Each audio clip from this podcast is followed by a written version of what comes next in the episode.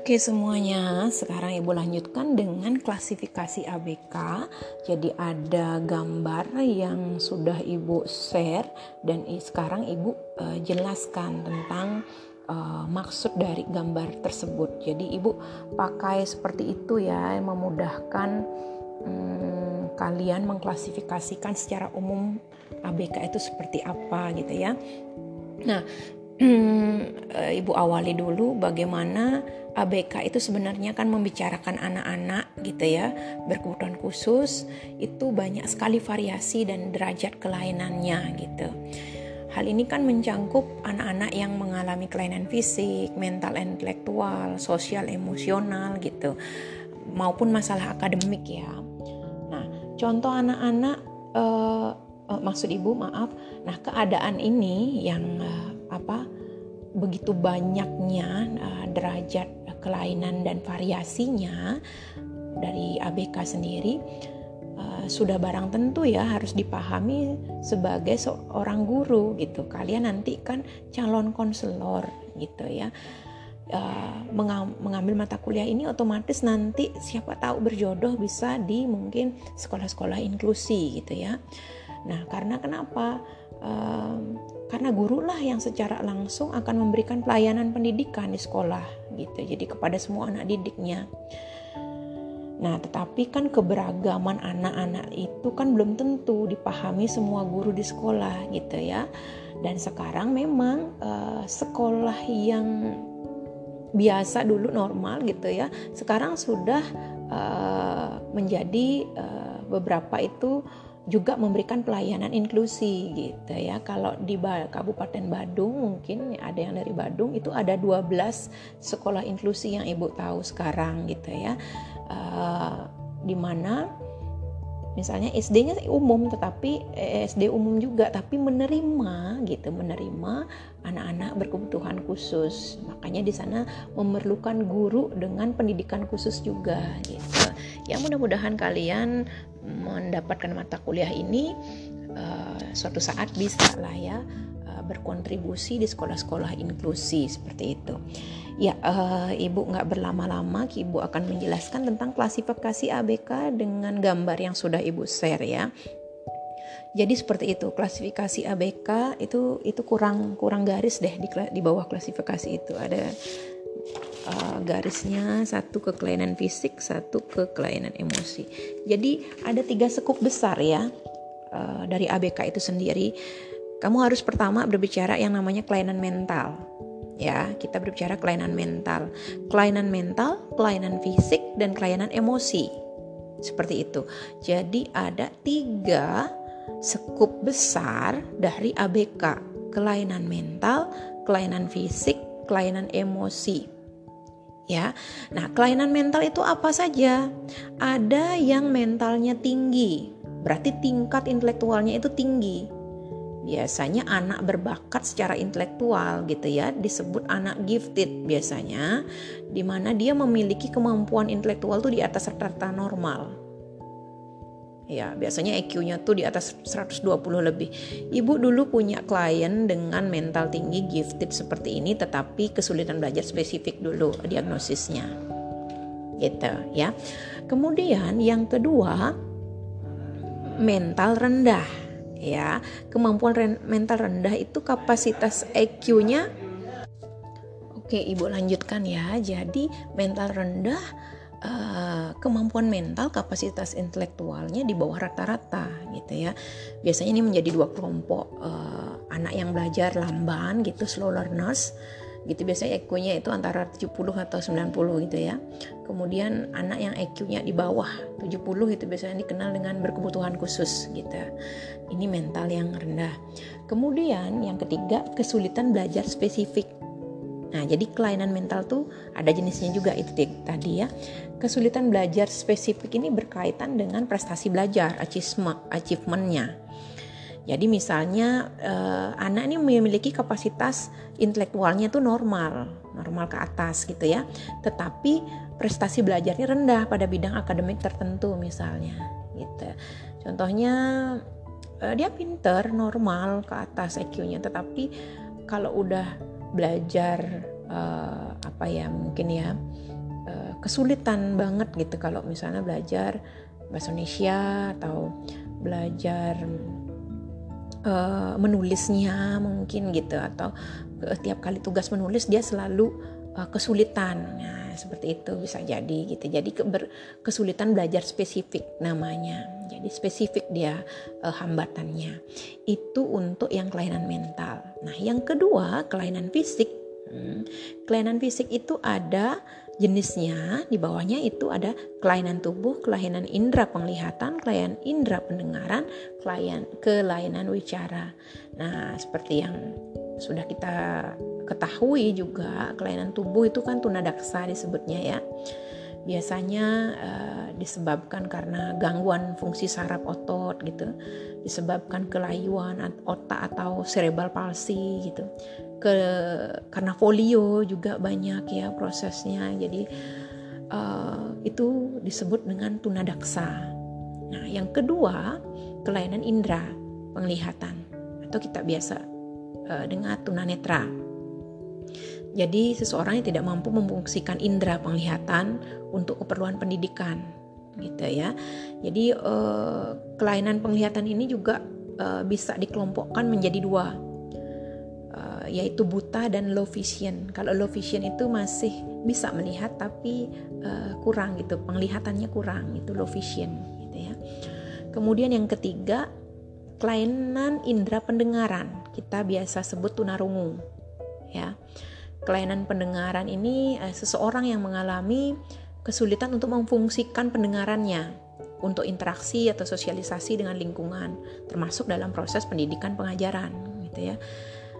Uh, kelainan indera ini juga dikelompokkan menjadi dua. Ada tuli the deaf dan kurang dengar uh, hard of hearing gitu ya. Jadi kalau kalian yang spesifik ingin belajar tentang anak-anak di Tunganarungu misalnya bisa kalian uh, add IG itu ruang mendengar itu teman ibu yang punya uh, namanya Bu Dewi Mustika Sari gitu ya Nah, itu dia punya apa sih komunitas ruang mendengar gitu. Nanti kalian bisa belajar di spesifik-spesifik ini.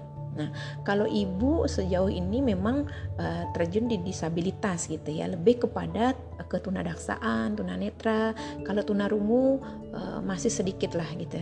Kelainan wicara karena kan itu sifatnya beragam. Intinya di kelainan fisik kalau uh, ibu banyak ber apa sih berkecimpung di sana gitu ya. Kemudian yang selanjutnya kelainan wicara. Nah, kalau kelainan wicara ini mengalami kesulitan mengungkapkan uh, pikiran, mengungkapkan perasaan itu melalui bahasa verbal. Uh, dan nggak bisa dimengerti orang-orang lain gitu. Kalau kalian pernah lihat mungkin orang yang sulit sekali ngomong maaf kayak uh, mulutnya uh, kayak keluar liur gitu ya nggak bisa ketutup gitu mulutnya gitu ah gitu ngimble terus gitu keluar air liur terus. Itu apa sih bicaranya nggak jelas seperti itu.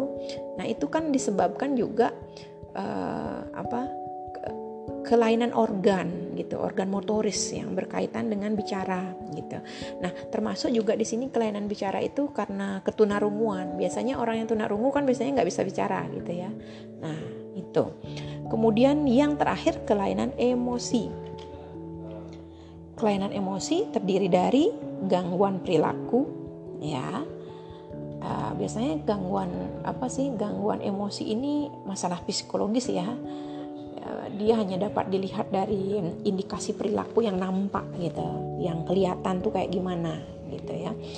Nah, klasifikasi gangguan perilaku ini ada gangguan emosi ini ada gangguan perilaku ya. Kalau gangguan perilaku dalam pendidikan itu banyak ya. Misalnya uh, mengganggu di kelas gitu ya. Uh, impulsif nggak sabaran terlalu cepat bereaksi gitu ya. Tidak menghargai apa-apa menentang gitu ya. Sering menyalahkan orang lain. Uh, bahkan kecemasan misalnya terhadap prestasi sekolah gitu kan atau nggak pemahamannya lemah reaksinya itu nggak nyambung misalnya ya atau nggak nggak ada perhatian dan sering melamun bengong gitu ya jadi itu banyak hal eh, banyak gejala di gangguan perilaku itu gitu nanti kalian bisa searching lagi deh apa-apa aja gitu ya kemudian yang selanjutnya itu di gangguan emosi ada yang namanya Kenapa? Oh ya, kenapa bisa disebut gangguan emosi di sini? Karena pada saat gangguan-gangguan uh, ini muncul tidak dimengerti orang lain itu mengalami gangguan uh, emosinya itu mengalami hambatan gitu ya. Contoh seperti ini juga yang B gangguan konsentrasi. Gangguan konsentrasi kita biasa menyebutnya ADD ADD attention deficit disorder. Artinya perhatiannya kurang. Ini um, apa disorder itu kan gangguan, gangguan perhatian kurang. Nah, jadi kalau di uh, eh, PPDGJ namanya pedoman diagnostik gitu ya.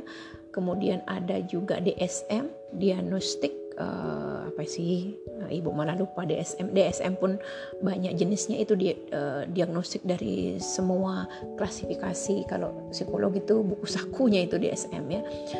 Nah, uh, dari DSM itu ADD itu mengalami banyak uh, mengalami enam gejala atau lebih. Nah, kekurang perhatian. Itu baru bisa dinyatakan dia ADD gitu ya. Gejala ADD itu gejala-gejala inattentionnya itu attention kan perhatian, inattention berarti kan kur, tidak perhatian gitu, tidak memberikan perhatian ya.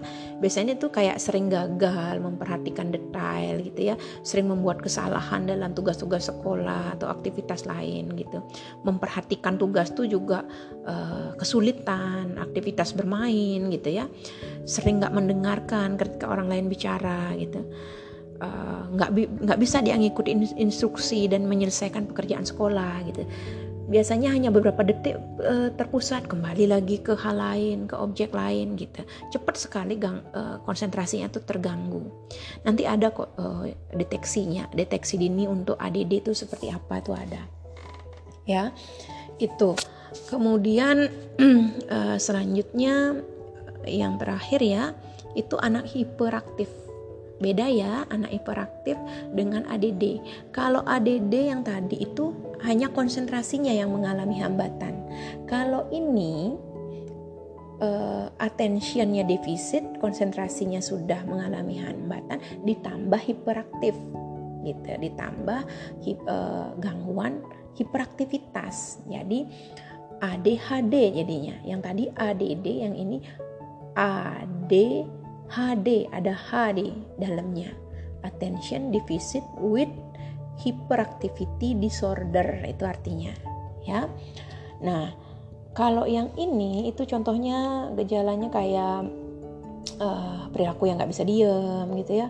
Ketidakmampuan untuk memberi perhatian yang cukup lama gitu. Makanya ibu bilang tadi beberapa detik langsung ke objek lain gitu. Tetapi ini lebih lebih ini karena ada hiperaktivitasnya. Kalau tadi kan gangguan perhatian aja, tapi ini ada hiperaktivitasnya.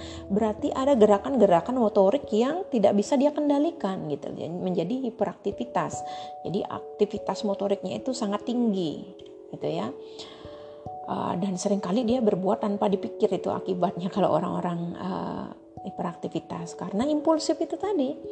Nah itu banyak faktor sih ya ini. Uh, nanti kita bicara faktor lagi. Ini bicara klasifikasi dulu. Ya oke okay, sampai di sana untuk materi klasifikasi ABK mudah-mudahan bisa dipahami uh, secara lebih matang gitu ya. Oke okay, salam selamat belajar.